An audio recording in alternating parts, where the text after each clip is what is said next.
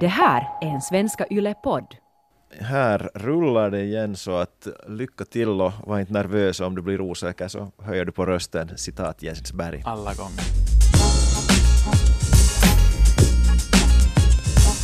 Avsnitt 41 av Ylesportens podd brakar loss i uh, det medium där du råkar befinna dig, arenan, Spotify, iTunes, what not. Vi är hur som helst här igen. Mitt namn är Antti Koivukonen som är med här som vanligt. Chris Vuojärvi. Tjenare på dig och hej! Uh, det är rolig vecka den här veckan så tillvida att det är ju 2019 redan rejält dessutom. Men mycket av den här veckan går åt att blicka tillbaka. Jag har bland annat äran att den här veckan få vara konferencier programvärd för Jakobstads första idrottsgala Yes! någonsin. Men dagen innan du varit med på ny jag har varit i Nykarleby Ja. också, ja, så att jag är en, jag är en, en erfaren galavärd. Och sen har jag varit på Finlands urheilugala. Har du varit på den finlandssvenska idrottsgalan? Uh, jo, det har jag också, men jag har jobbat som reppare. Ja, så precis. Mm. Att ganska rutinerad då det kommer till att, att, att det här med idrottsgalor. Så därför tänkte jag att vi börjar, före vi går loss på fotbollen, med att titta på det som komma skall uh, i, i urheilugala, den finländska idrottsgalan, som blickar tillbaka till 2018. Tre snabba frågor Yes. åt dig. Du får fast dra dem alla tre på en gång, så säger jag mina sen. Men, men de här sakerna som vi står för, det vill säga sportjournalisterna. Yes.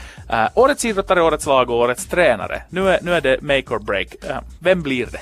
Årets idrottare, det är väl ingen snack om saken, det är Ivo Niskanen. Det håller vi väl med om. Alla gånger, ja där Yes. är jag övertygad. Jag har tre kvinnor som bubblar under som kommer att vara med i topp fem allihopa. Krista, Kajsa och Petra. Det vill säga äh, Pärmäkoski, Mäkäräinen och Olli. Men ingen, ingen slår en OS-medaljör på 50 kilometer på fingrarna. Det, det är så. Så, så är det. Så är det. OS-guld är OS-guld. ja, absolut. Årets lag har jag faktiskt plockat in äh, två sköna bubblare som jag tycker om från lite obskyra sporter Okej. för det de gör. Joensuu Maila Wow. bryter en hegemoni.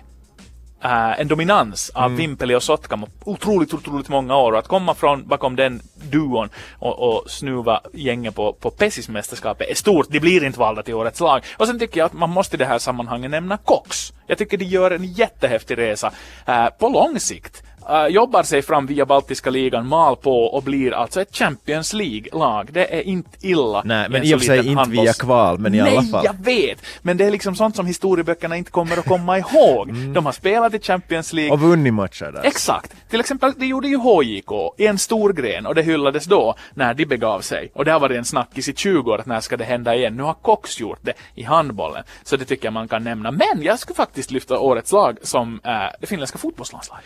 Jag har det faktiskt samma där, men, men som du redan nämner så tycker jag att det här är en oviss eh, omröstning. För jag har utöver de du redan nämnde har jag ytterligare två som jag velar mellan, det vill säga jag tycker jättemycket om det som Kärpät gjorde hela förra säsongen och nu fortsatt med under hösten. Och sen innebandyherrarna, det sätt som man vann VM-guld på, så tycker jag att de också ska nämnas i sammanhanget. Men, men min röst går också till fotbollslandslaget. Mm, och jag tar fasta på Kärpät då i den här sista kategorin, för jag har faktiskt äh, Mikko Manner som en bubblare på, på tränar kategorin. Jag tycker han Samma har gjort jag. ett otroligt bra jobb, men han är inte riktigt där. Och sen skulle jag vilja, jag säger ju emot mig själv här, alltså Olli Ohtonen som, som har tränat nu Ivo Niskanen till, till två stora mästerskapsmedaljer på raken borde ju vara per definition då årets tränare. Men där också lyfter jag in Rive Kanerva ovanför på lång sikt. Är vi helt överens här nu? Vi är överens, alltså, jag tror att det blir Olli Ohtonen för att OS-guld är OS-guld. Men, Och men jag är en sån där... och en Mm, och så är jag lite sådär romantiker att, att tränar uppdraget i lagsport där det är så mycket mer Ja, mångfacetterat. det så jag brukar ofta, ofta välja där också. Samma gäller då också årets lag. Nu har vi ju inte ett bra stafettlag till exempel, eller som många gånger tidigare ett en kvartett i backhoppning som skulle Mm. ha tagit OS-guld. Men de här för mig har alltid varit sådär att nej, det där är inte lag, det är fyra individer som tillsammans gör prestationer som Mm. leder till ett, ett, ett sammanlagt resultat som blir ett, blir ett till exempel OS eller VM-guld. Så att för mig handlar ett lag om, då, varje gång jag har röstat, om, om lagsporter, allt från fotboll, ishockey, innebandy och så vidare. Mm. Jag fick rösta för sista gången faktiskt nu, för jag lämnar äh, Sportjournalistförbundet. Äh, inte av samma orsaker som HBLs Filip Saxén, utan helt enkelt för att jag tyckte inte att det gav mig något mycket annat än möjligheten att rösta. Så i år får jag ännu jomma, men sen är det färdigjommat. Men äh, nog snackat om idrottsgalorna, vi går vidare. Yes.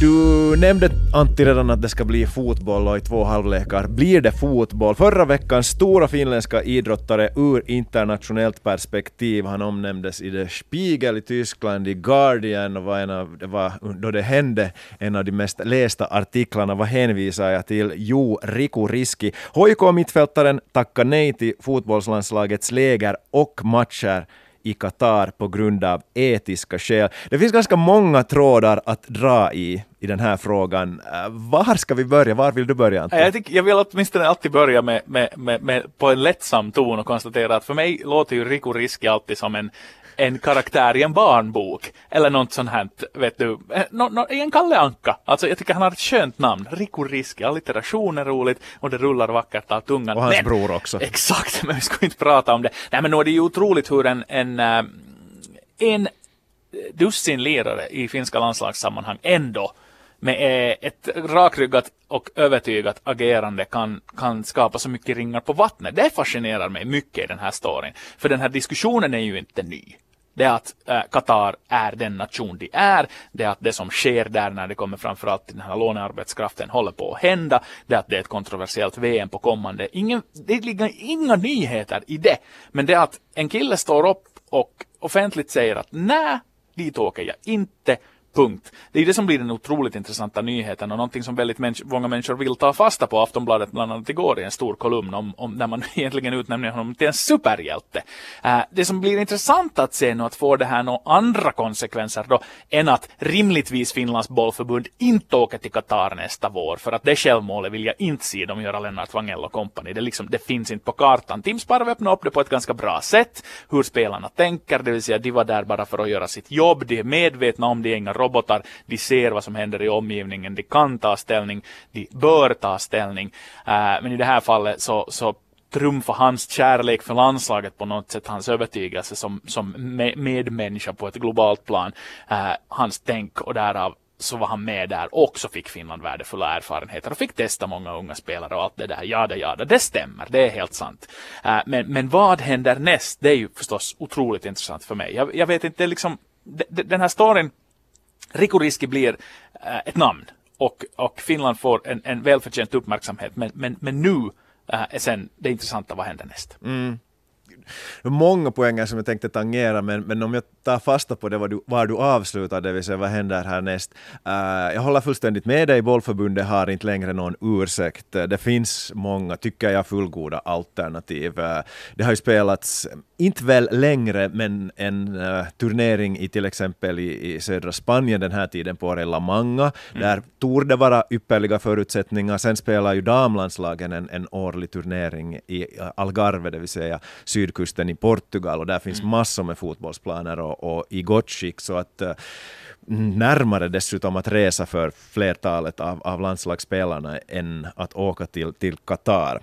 Uh, du nämnde det här också med Tim Sparv, han kommenterar resan. Jag tycker att det är beklagligt sådär ur, ur spelarnas synvinkel. Eh, han är ju vältalig och formulerar sig ypperligt, Tim Sparv oftast, och, och också i det här fallet. Men, men någonstans är det inte beklagligt att, att det är förbundet som sätter spelarna på pottan, det vill säga att de måste sen börja förklara sig varför, varför de resonerar som si och varför de resonerar de så. Uh, en annan sak du lyfter fram att det här är ju ingenting nytt. Nu det är ju ganska nytt ändå. Alltså jag upplever att uppmärksamheten mot vad som sker i Qatar, delvis också grannationen Förenade Arabemiraten, och, och jag måste kolla på sådana listor över mänskliga rättigheter och, och hur, hurdana arbetarrättigheterna är så där i världsrankingen, och de är ju alldeles horribla i de här mm. två nationerna. Mm. Ja. Och, och en uh, Eh, följd vill jag väl åtminstone se av Riku Riskis agerande och kom inte att påstå någon att inte eh, idrotten ha, kan ha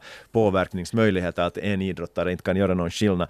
Uh, om jag tittar på mitt uh, sociala flöde på me olika på sociala medier så visst är det många finländare som reser till Dubai, reser till Qatar under vintermånaderna och många av de här vågar jag gissa, tycker att Riku Riski gjorde alldeles rätt och, och nu tycker jag att uh, i, i konsekvensens namn så ska vi alla som tycker att Riku Riski gjorde rätt inte heller resa till de här destinationerna. Det är nu mm. det minsta. Mm. Och, och då är det ju redan då får ju redan Riskis agerande en del följder. Uh, avslutningsvis, vi, vi har långa monologer här, uh, och inte avslutningsvis, men jag vill lyfta upp uh, Marko Kanerva. Han har gjort det mesta rätt. Vi, vi hyllade honom här för en stund sedan mm. och utsåg honom till, till fjolårets tränare i Finland. Men jag är lite besviken på honom i det här fallet. Det sätt som han kommenterar fallet på visar mer i mitt tycke då, mer lojalitet mot bollförbundet, hans arbetsgivare, än för hans adepter, laget. Uh, någonstans mellan raderna tycker jag att, att Kaner var lite för ringa Riskis agerande här och mer mm. lyfter fram betydelsen ja. av, av det här lägre istället för att säga då att, jo, att, att vi måste fundera på det här och, och Riskis chanser att, att nå landslaget har ingalunda grusats och betona det här mer än hur viktigt det här lägret var. Så, så mm, ett minus i mitt protokoll för Kanerva i det här mm. fallet. Mm. Helsingin Sanomat gjorde ju en, en, en gruvlig genomgång av, av hur det hela gick till när man valde äh, den här orten där man spelar sitt läger. Och äh, det går ju väldigt mycket hand i hand med nordisk samarbete, det vill säga att man äh, helt enkelt har enats om och kommit överens om att det är dit man åker. Och sen, det som ju är skrämmande och beklämmande är ju det att det finns ju företag som redan har äh, stora avtal på plats för att ordna sådana här VIP-paket till VM-slutspelet i Qatar, som då dessutom är det företaget som på något sätt har ensamrätt för att erbjuda paketresor för att komma till den här turneringen. Nu vet jag ju då att, att om du sitter på bollförbundet och funderar att vart ska vi åka och så dimper det ner ett kuvert med en agenda, ett schema, en prislapp, allting är perfekt finns inte det minsta någonting i kvalitet som det har prutats på. Så det är ju den lätta lösningen. Det var ju som du nämnde många av de här intressanta mellaneuropeiska turneringarna och, här, här, finns ju en otroligt möjlig, otrolig möjlighet för, för arrangörer och träningscenter runt om äh, i en varmare region under den här perioden att sko sig på en etiskt hållbar fotbolls professionell turism om du förstår vad jag mm. menar. Det vill säga att skapa den där nischen för att visst kan man spela fotboll annorstädes än i de här Gulfländerna där förhållandena kring framförallt då arbetares rättigheter är vad de är och helt enkelt bryta den där dominansen som pengarna har skapat för att helt enkelt göra det lätt för alla företag. Och jag menar bollförbundet har ju också säkert, de åker dit i olika delegationer, de har varit där och besökt. Det, det, det, är ju en inbjudan, det är ju Visit Qatar som hashtag vet du, som gäller. Också när till exempel bollförbundet finns där. Det vill säga Qatar vill aktivt få människor dit, få dem att framstå som att här har vi det bra, här är det inga problem. Uh, mellan och Centraleuropa och södra delarna har en möjlighet här att faktiskt vända den här, det här flödet och få flera klubblag också, som ju också är på läger nere i, i varmare regioner, att välja andra och mera hållbara orter för sin lägerverksamhet. För att äh, det här, det här kan, ju inte, kan ju inte fortsätta. Men det, det är Riku Riski, det är nog en man på, mm. ett namn på alla läppar och det, det är häftigt. Ja, uh, en fråga, jag vet inte riktigt om jag har svaret. Tror du att folk i, säg nu i svensk Finland, bryr sig om den här frågan. Mm. Sist och slutligen, alltså det var ju internationellt sett som jag nämnde, en väldigt stor nyhet. Då, då den här Ikoriski-nyheten kablades ut, Guardian, som jag läser nitiskt dagligen, så har ju en ranking över deras mest lästa mm. sportartiklar. Ikoriski-nyheten var nummer tre där, så att uppenbarligen har det fått svallvågor, men, men äh, här i, i, på våra webbsidor, då vi skrev på Ylesportens webbplats om det här, så var det väl inte lika stor. Det tror inte faktiskt så bra, eller intresset fanns inte där. Kanske vi skrev värdelösa artiklar. Ja, det, det är också en möjlighet. ja. men, men rent sådär praktiskt så, så det känns som att äh, det är en lite avlägsen fråga. Nu har ju, jag menar, vi har ju också haft diskussionen i efter äh, svallvågorna av Li Anderssons uttalande om var politikerna ska semestra. Ja. Och det har ju varit kanske en mera näraliggande fråga som folk har kunnat relatera till. Och jag vet att insändarspalterna till exempel i Österbotten har svämmat över av diskussioner kring att, att eh, ska vi säga en yngre generation säger att vi måste agera nu. Vi måste sätta punkt. Vi måste ändra på vårt egna beteende för att skapa en bättre värld. Och så finns det en äldre generation som säger no, no, sakta i backarna, förändringar sker inte över natten och vi måste, varje människa har rätt till sitt klimattalko på eget vis. Och den här diskussionen finns ju. Uh, det här är ju ett spår, en del i den stora diskussionen. Så att diskussionen finns på tapeten mm. i svensk Finland, det är jag helt övertygad om. Och kommer att finnas det också. Mm. Vi har många människor som turistar i, i Dubai och nere i de regionerna. Men äh, den här riskfrågan kanske inte liksom det största som har varit på tapeten äh, i svensk Finland. Åtminstone när man helt krasst ser till siffrorna. Nej, men om, man ser, om, om Aftonbladet hugger på det här så, så någonstans så... Då blir det stort i svensk Finland direkt. No, no, jo, alltså det, så är det ju. Så, så är det ju och, och Aftonbladet skriver inte grejer som, lock, som inte skulle locka till någon form av läsning. Så att, så att någon form av svallvågor har väl nog och ringa på vattnet har, har risk att skapa både nationellt och, och, globalt. Ja, och Sverige är ju, känns det som, den där nationen äh, som kan ta lyra på en sån här grej och faktiskt äh, driva det ett steg vidare om man tänker ett större fotbollsland i ett globalare perspektiv. Så att jag menar, det är inte dumt att Rico Riski har lyft upp det här på agendan i länder som England, Tyskland och Sverige.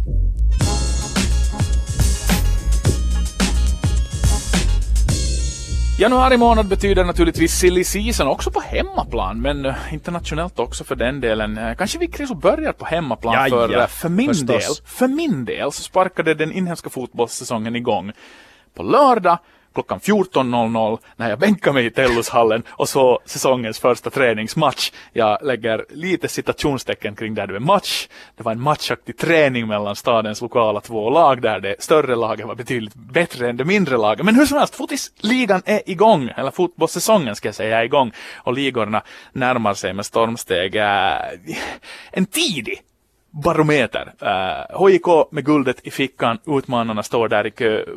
Hur ser styrkeförhållandena ut? Vad har du sett hittills? Jag har inte sett särdeles mycket utan men snarare uh, följt med just då silly season och, och, och transfernyheter. Jag tycker att det har varit, varit förhållandevis intressant. Uh, jag skulle säga att HIK fortfarande är guldfavorit och, och det, det, är nu bara så det är. Men, men jag tycker, jag gillar det vad Kups har gjort, jag gillar det vad, vad Honka har gjort. Jag tycker Kups har, har stått för en viss äh, konsekvens och, och har bra spelare i sin trupp. Om man, om man tittar från, från eh, backposition där man har Luis Carl, Carlos Murillo, jag tyckte att han var alldeles lysande i, i fjol, kanske den bästa backen till och med i, i hela ligan. Uh, man har på, på mittfältet Ruben Ajarna, man förlängde med uh, Petteri Pennanen, på topp har man uh, Rasmus Karjalainen och, och, och värva en spännande spelare i Tommy Jyry från Helsingfors IFK, så att, så att jag gillar det vad, vad Kups gör. Och sen detsamma kan sägas också om, om FC Honka.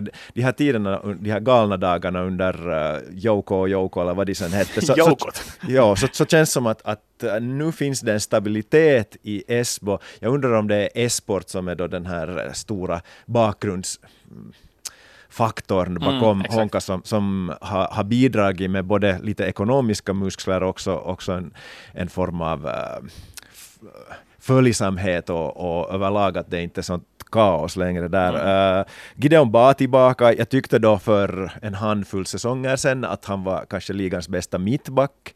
Uh, de, de, var ju otroligt bra då, Meite och Gideon Ba. Många jo, tycker, tycker att, att Meite var då den som lyfte Ba, men, men jag råkade ju faktiskt bo i USA då, då Gideon Ba spelade där och jag tyckte han höll måttet då också. Haft en del skadebekymmer, kommer nu från den vit, vitryska ligan och Gomel, så att det, det, blir, det blir spännande. Erkänt starka vitryska ligan inte alls så, så tokig om, om man ser på framgångarna i ja, Europa med, med Bate och, och, och så vidare. Mm. Men sen, sen uh, Juha Hakola tycker jag att är en klassvärvning för, från Vepsu till, till, till Honka. Uh, får se vad Demba Savic har bäst före datumet gått ut, men, mm. men också, också backlinjen, där är Henry Alt och Jonas Levanen till exempel, som, som jag tyckte var bra förra säsongen. Så, mm. att, så att det kan finnas utmanare för HJK den här säsongen. Det här är nu, nu om toppen, om vi, om vi börjar där. Ja, nej, jag håller med. Och på Kups-fronten så det, det finns ju jättestor optimism i Kuopio med att stadionprojektet kanske äntligen skulle falla framåt.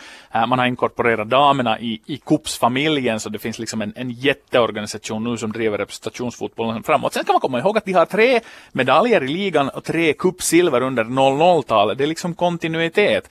Uh, om Honkavara är en guldtränare är jag jätteosäker på, men han var en lyfta ett lag från botten upp till toppenlag. Så han har bevisligen kunnat nå framgång och, och, med alla de här spelarna som du nämner och säkerligen någon punktvärvning ännu så blir det ju nog, för mig är det i, i utmanare nummer ett. Uh, Honka har ju det guldläget tycker jag alltid att de har så otroligt lätt att värva, eller lätt är väl fel ord, de kan värva bra där. Det är huvudstadsregionens andra lag, uh, de har möjligheter att plocka in folk, de får synlighet, all logistik är enkelt, du har studieplatser, du har arbetsplatser, det är underlättat. Och sen just så länge det liksom vilar på en stabil grund, Honka var ju alltid liksom den där stora parhästen då till exempel under Lehkosuas tid och, och, och, det är så skönt att ha en sparring för HJK i huvudstadsregionen. Äh, ännu har de ju en, en, en vansinnigt stor stab. Jag var bara och kolla in på deras lag och konstatera att, att förhållandet just nu staff versus spelare är 16-14 till staffen. Så att, att de, de bygger ju också på det viset nog en jättestor kostym för att vara ett fotbollslag att ta på allvar och dessutom nu med spansk prägel. Så att äh, nej, det blir mer och mer spännande att följa med Honka. Man ska ju unna dem ett bättre hem än det där tillfälliga vad ska vi kalla det, lägret ute ja. i Hagalund, men kanske det på kommande. Metron ja, samtidigt, det, det, är ändå, eh, det finns inga, det där, ursäkta nu Jakobstad till exempel, men det finns inga löpbanor där i, i Esbo och man kommer så otroligt nära spelarna så jag har ofta trivts väldigt bra där i, Det är i ju för sig en arena där det är kul att se på fotboll. Underlaget brukar vara oet, liksom ypperligt och, och som du säger, sällan kommer man så nära som i Esbo. Mm, du nämnde det här med att, att uh, Honka har den här fördelen av att vara nummer två i huvudstadsregionen och det finns ett ymnighetshorn av, av spelare att ta från. Men, men nu är det ju tre i, i ligan, det vill säga de här huvudstadsregionslagen. Helsingfors IFK gjorde comeback och där tycker jag att det finns en del frågetecken. Just nu så tycker jag att IFK nästan har ett sämre lagbygge på gång än vad man hade förra säsongen. Och det, det här vittnar, okej, okay, de har 14 kontrakterade äh, spelare, 16, mm. 16. Mm. Och, och det har kommit en del nyförvärv de här senaste veckorna. Men äh, det här vittnar om att det kanske inte finns så mycket stålar att ta till, att det är ebb, ebb i kassan, att man gör värvningarna sent, behöver inte betala någon spelarlön under december månad och eventuellt kanske inte i januari heller, utan sedan fyller man på.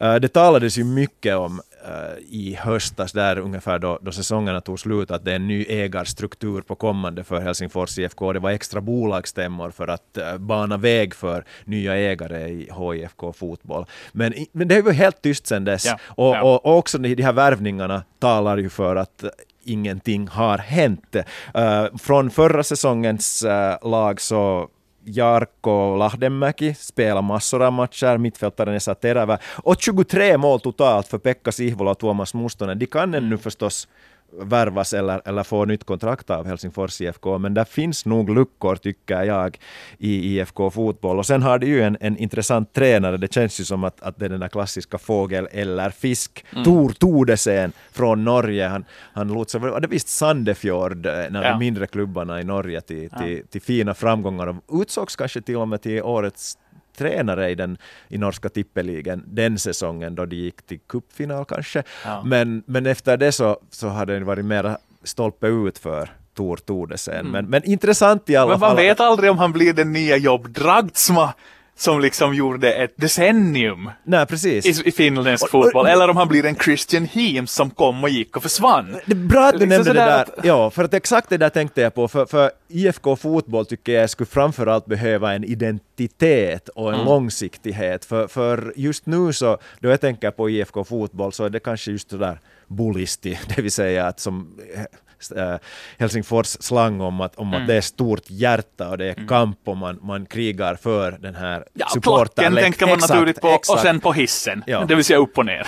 Så, att, så att just nu skulle det behövas en långsiktig lösning för IFK, ett spelsätt som skulle bli inrutat och, och att uh, nyckelspelare skulle få fortsätta och att det skulle bli en kontinuitet. Så att, mm. Men just nu så tycker jag att IFK kanske till och med är den största kandidaten att åka tillbaka, det vill säga ta hissen ner ja, igen. det, ju. det var ju uppenbart i fjol när säsongen började, du minns diskussionerna, TPS och Kemi pekades ut rättmätigt som lättviktare och åkte ut, ena till och med helt, helt ut, det vill säga Kemi, äh, cashen tog slut. Och hur vi än vänder och vrider på hela den här diskussionen så kommer Helsingfors IFK och KPV att pekas ut som de största kandidaterna till nedflyttning. Sen är det lag som hade problem under fjolåret som måste kunna övertyga under försäsongen och i lagbyggnadsfasen. Ta till exempel IFK Mariehamn äh, som, som liksom kommer att nämnas i de där diskussionerna. Men det är mm. helt uppenbart att de är inte starka killar, starka lag som stormar in i serien på det sätt som till, till exempel Honka ju. Äh, I Karleby hände det en del positiva saker. Det var ju, jag menar, Någonstans så frös ju helvetet till is när GBK och KPV slog sig ner vid samma bord och inledde ett samarbete, det vill säga kring representationslagen. Det här är ju ett samarbete som framförallt kommer att i första hand att gagna KPV om och då truppen är så bred att man behöver matcha spelare på en hygglig nivå och får ha dem i tvåan och få matcherfarenhet och sen kan kunna plocka upp dem i representationslagen. Men redan att det finns en intention att tillsammans göra saker för att Karlebyfotbollen ska må bra, det är, det är toppen. Och när man också där har ett arenaprojekt på gång så skulle man ju hoppas för KPVs del att det inte blir en fransk visit. Men de saknar ungefär, ja, de saknar egentligen två till tre namn per spelarposition ännu. Då har Laitinen signalerat att, att lagbygge har man ingen brådska med, det vill säga det här IFK tänker spara pengar, rekrytera sent, bygg på sommaren om det så behövs. Uh, så att det blir ju nog darrigt där. Nu, en, eloge till en kille som gjorde en fantastisk karriär och jag kan förstå hans orsaker absolut till att, till att tacka nej till fortsatt spel i ligan. Men i veckoslutet blev det klart att Henry mm. Mynti inte spelar Han är ju vidare. kultspelare. Han är ju det, han är ju det på så många sätt liksom. Ja. Det alltså, unga, är skyttekung i Tammo. Jo, jo, jo, unga stopperlöftet som stack som skyttekung ut i Europa. Spelar väl i Hansa Rostock, spelar i Norge och framförallt den här Mynti-kontinuiteten i Karleby-fotbollen. Den historien, den storyn, lite av den identiteten Har han någon son som skulle kunna axla snarlikt ansvar? Det, det, kan hända att det finns nya myntin på kommande, men det kan bli lite brådska på den punkten än så länge. Men att, att KPV och IFK är nu och kommer att vara det, jag lovar, när april kommer och ligan startar och vi har upptaktsträffar i Helsingfors, så kommer de att vara på platserna 11 och 12 i de främsta, i de, i de största delen av, av tipsen, inget snack om saken. Och sen är IFK Mariehamn där i botten någonstans i närheten. Äh, tippas också att bli nedflyttningsklara bara på basen av hur dåligt det gick i fjol. Men där hoppas jag att bara Daja hålls mm. hel mm. och inte går sönder. Yeah. Att han faktiskt skulle kunna leda det där laget till någonting riktigt fint igen. Vad är läget med Sebastian Manström? Han skadade sig då illa det är en jättebra fråga. Uh, Patrik Byskata, en annan identitetsbyggande spelare för KPV, har också haft problem under slutet på förra väl säsongen. utan kontrakt? Ja, exakt. Och han hade ju ont under stora delar av slutet av säsongen och skulle troligtvis inte ha spelat om det skulle funnits spelare att tillgå. Men med Manström och med Byskata och med Mynti så fick KPV en ganska stark egen prägel. Nu har de Tinke Rauhala på högerbacken och, och Harry Heijerman och några sådana egna spelare, men de behöver de behöver en, en stark egen prägel. Nu skulle jag säga att, att, att den unge Pikkarainen blev väl U21-uttagen här nyligen och han är en kille som, som kan bli riktigt bra under nästa säsong. KPV skrev ju redan på med, med Jaros skyttekung från förra säsongen. Uh, men han valde sen att hoppa av och stanna kvar i, i, i Europa. Så att uh, någonting hände där också. Så lånade de in Enok Bansa från HJK. Uh, eh, fågel eller fisk, svårt att säga. På division 1-nivå ska han vara otroligt bra. Han fick ju spela där redan under eh, klubbi sessionen under fjolåret så att det här, mycket frågetecken, men Manström behövs. Hans kreativitet, hans säkerhet med bollen och hans förmåga att hitta lagkamrater med öppnande passningar, så, så det, det, det, det skulle KPV definitivt behöva. Men det kan hända där också att man dröjer med kontraktet helt enkelt i väntan på hälsoläget. Mm, att han kan ju inte ändå träna och då vill man kanske inte betala lön åt honom heller. Enok Bansa är nog en sevärd spelare. Jo, jo, jo. Det, det, är roligt för Karleby-publiken och hela Österbotten att, att för hans, hans tak är så otroligt högt, men sådär som unga spelare och ännu någonstans i kubik för honom, mm. så skillnaden mellan en god och en dålig dag är, är, är väldigt hög, åtminstone ja. på basis av, av de insatser jag har sett och, och också läst, så att, så att det är en Och sen också det där skillnaden mellan vad man vill och vad man just då och där kan. Mm. Så det blir liksom ett ganska stort gap ibland. Men att han och Simon Roiha är väl de som man har i anfallsväg just nu. Och sen förlängde man ju då inte med Kalle Multanen. Nej, det var äh, vilket intressant. kan te sig lite märkligt. Han hamnar i KTP ja. och, och, får fortsätta att ösa in mål på på sin nivå ska vi väl säga, på division 1 nivå. Så att här, ingen kommer någonsin att kunna slå den killen på fingrarna när det kommer, att göra, kommer till att göra mål i division 1. Men att, att fascinerande att han då inte följde med upp. Men äh, nej, det är en bit dit tills att, att säsongen ska köra igång, men, men det närmar sig. Men hör du, uh, VPS, det ser, det ser sådär där finns ju minsann kontinuitet med, med, från tränarstaben och, och, också nyckelspelare som Seba Strandvall, vår, vår mm. han har väl varit två gånger gäst vår i podden också. Vi kallar honom för Vi kallar honom för poddens vän åtminstone. Så, så har du läst mer om, om, om läget där? Jag, jag såg att ni inte hade någon kontrakterad målvakt. Men, Nej, men testspelare på, ja. på ingång hela tiden och, och, det sker nog saker i Vasa och, och, och det som eh, jag hade äran att, att utbilda mig till, till målvaktstränare på D-nivå, det vill säga dålig, uh, här och, och gjorde det under Henka Sillanpääs ledning. Och äh, förutom alla de kunskaper han, och insikter han gav mig i målväkteriets ädla konst så, så, så, så berättar han ganska frikostigt och, och sådär om hur, hur vardagen ser ut när, när de planerar träningar och hur de jobbar i VPS. Och, och då kommer just det här nyckelordet kontinuitet in i bilden. Äh, de måste ju värva, det fattas spelare, man tappar till och med några nycklar där äh, ur, ur försvarslinjen, men äh, topp sexa under förra, halvan, äh, för, förra säsongen, det vill säga man slutar på övre halvan. Äh, det är ju där man ska vara hela tiden om man tänker på att man har den kontinuitet man har, ny stadion, allting, allting är på rade så att säga. Så att en, en outsider utmanare till medaljer, men då måste värvningarna lyckas riktigt, riktigt bra. Det är väl där någonstans VPS ligger för tillfället. Okej, jag kan inte låta bli att fråga om vi tar stegen ner. Alltså, hur ser laget och, och läget ut i Jakobstad och Jaro? Mm, det finns en karaktär i Harry Potter som, som Okej. heter... Så utveckla. No, den heter, han heter nästan huvudlöse Nick. Det vill säga, eh, det, det, det finns eh, en förstymmelse till en topp där uppe, men, men den är nästan så gott som avskuren. Jaro har alltså ingen offensiv ännu. Ah, Annars ser det faktiskt riktigt bra ut. Uh, målvaktsfrågan är löst. Emil Öberg fortsätter lysande. Uh, utanför ligan i, i den inhemska fotbollshierarkin. Troligtvis den bästa målvakten, en av de bästa, eh, som spelar för tillfället. Backlinjen håller lägre halvan eh, i ligan nivå. Uh, Toni Takamäki, Pavli Milosavljevic, Johan Brunell, Darwin Chavez.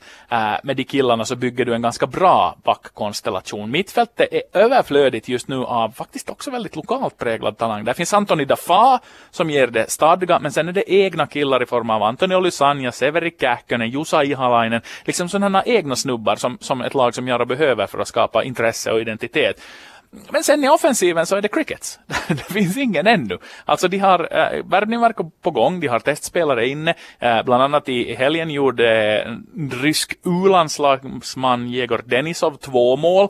Så lite loj och ansträngd ut i sättet han rörde sig på, men gjorde ändå två mål, en snygg frispark och en ganska bra dragning och avslut då han var ensam igenom. Så att han kan bli liksom den tuggtannen som, som, som man värvar. Men med tanke på hur det såg ut i fjolåret då när Seth Paintsil ännu fanns i laget och man fick in Kristoffer Mandiango och hade ännu den här serben vars namn jag glömmer. Eh, så, så då hade man ju jättetung arsenal just eh, framåt. Och det blev ju egentligen till ingenting. Det var ju där det stora problemet var man hade för mycket försvarsspelare och mittfältare och en, en, en, en fissig offensiv med undantag för Paintsil som stack mitt i säsongen. Så att, visst saknas det spelare ännu men, Mm. men, men bygget fortskrider. Ja. Ja. De, de, de är en sån där challenger för övre Ja, halvan ja, som ja, vanligt. Vi ska tillbaka Absolut. till ligan men att, att, att äh, det har varit så nu i tre säsonger och Ja. lagbyggen har sitt skapliga ut Ja, varje men, gång. men eh, för att nu nämna Fotisforum där jag kollade upp, det, någon har orkat jobba med att, med att Mm. eh, lägga ut texten om kontraktsläge i samtliga klubbar i, i division 1, så, så jag tycker ju att Ja- Jaros läge ser väldigt stabilt ut jämfört Mm. med de flesta konkurrenter. Det finns, finns både, både bredd och en del spets då på olika positioner. Så att, så att Jaro tycker jag liksom ska åtminstone vara en av de starkaste utmanarna till, till kampen om, om Och det är uppflyttning. de också. Det Ja, ja. Och på tal om, på tal om. Jaro så kan jag inte låta bli nu att säga alltså att uh, förre Jaro-tränaren uh, Jeremenko och SJK, för att nu tala ligan igen, där ser det nog ut att någonting märkligt är på gång, för den, den truppen just nu som SJK har ser nog oerhört tunn ut, men, men kanske där också någonting i görningen. Men, Mm. men ännu om, om division 1 så, så Ekenäs IF som gjorde en alldeles lysande säsong i fjol, så där tycker jag nog att, att eh, det är inte så svårt att säga att uh, Ekenäs IF kanske nu inte går mot en lika bra säsong, åtminstone på basis av, av just det här silly season. Man har nio spelare just nu som under kontrakt. Tränaren eh, Gabri Garcia och hans, hans parhäst, den andra spanjoren vars namn jag nu glömmer. Så, så de, lär, de lär komma till Ekenäs först i februari, det den förra EIF-ikonen och, och stjärnspelaren där då är Estlander som drar träningarna. Så att eh, det lär, det, massor med testspelare och det finns ju då från huvudstadsregionen säg, spelare som har hållit division 2-nivå eller spelar Ja, på division 2 som, exakt. som man testar, som, där man kan säkert hitta eventuellt ett eller annat guldkorn. Och jag kan väl tänka då att, att de här spanska tränarna är sådana som, som är EIFs trumfkort, det vill säga att många spelare tyckte jag gick framåt i, eh, eller under den här ledningen av de här spanjorerna under förra Mm. säsongen. Så att det, det är lite lockande. Det är, inte, det är trots allt bara en, ungefär en timmes väg att köra från, från. Helsingfors, så, att, så där kan man hitta, men, men just nu så tycker jag att det ser tunt ut. Nej, det är ju spännande just om spanjorerna faktiskt befinner sig på annan ort och det är Slander som leder laget och så har vi bakgrundskrafterna där och styrelsen. Så vem, vem är det som bygger laget och för vem och under vilka förutsättningar? Jag menar, jag kan tänka mig att, att eh, Xatarto och han, hans kollega helt enkelt är ute efter vissa typer av spelare för att kunna spela den fotboll de vill spela. Är styrelsen och Estlander då, de som ansvarar för spelarvärvningarna, eh, in tune med vad det behövs till Ekenäs IF. Det är inte jag så jättesäker på. Så det låter ju som ett, ett lite galet sätt att bygga ett lag. Men eh, hej, lycka till bara. För att, eh, inte var det hemskt många som trodde på Ekenäs IF under förra säsongen och gästas vad det gick bra. Ja.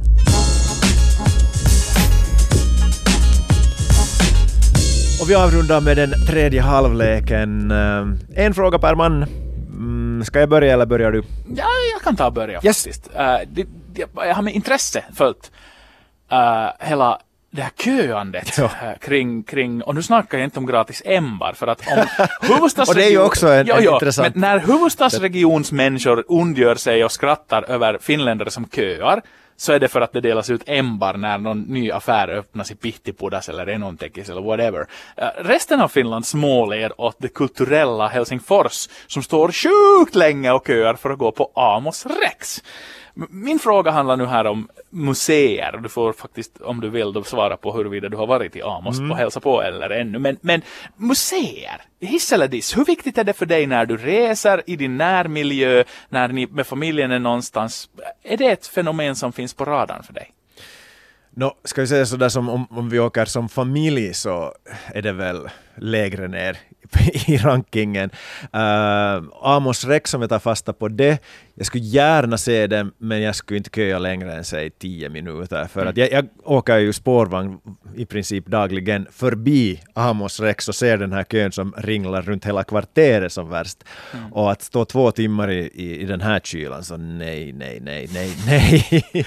Eh, men, men däremot så om jag tänker på, på mina resor under årens lopp så, så har jag nog väldigt goda minnen och varma minnen från vissa museer. Uh, JFK-museet i Dallas där Oj. han ju blev eh, mördad, så var alldeles lysande. Uh, Guggenheim i Bilbao, själva arkitekturen och själva byggnaden redan var värd pri- entrépriset. Och sen sådär en klassiker, Museum of Modern Art i New York är ju väl värd ett besök, men, men inte, inte det är det som jag planerar mina resor utifrån, det är liksom bonus. Ja. Jag älskar ju museer personligen och, och, och, och älskar också att söka mig dit sådär för att vistas i den där miljön. Jag vet, under London-OS så bodde vi nära äh, British Museum och, och det var ett sådant skönt ställe att förbereda sig för arbetsdagen på att no, det var varmt också den sommaren 12 i London så att man, man, man, man hade det bakom knuten och kunde gå dit hela tiden. Och, och det är nog någonting som jag alltid prickar in och, och, och, och, och vill se och sen blir man glad och förvånad, eller inte förvånad, men glad när man också till exempel i Helsingfors bara tar sig tid att gå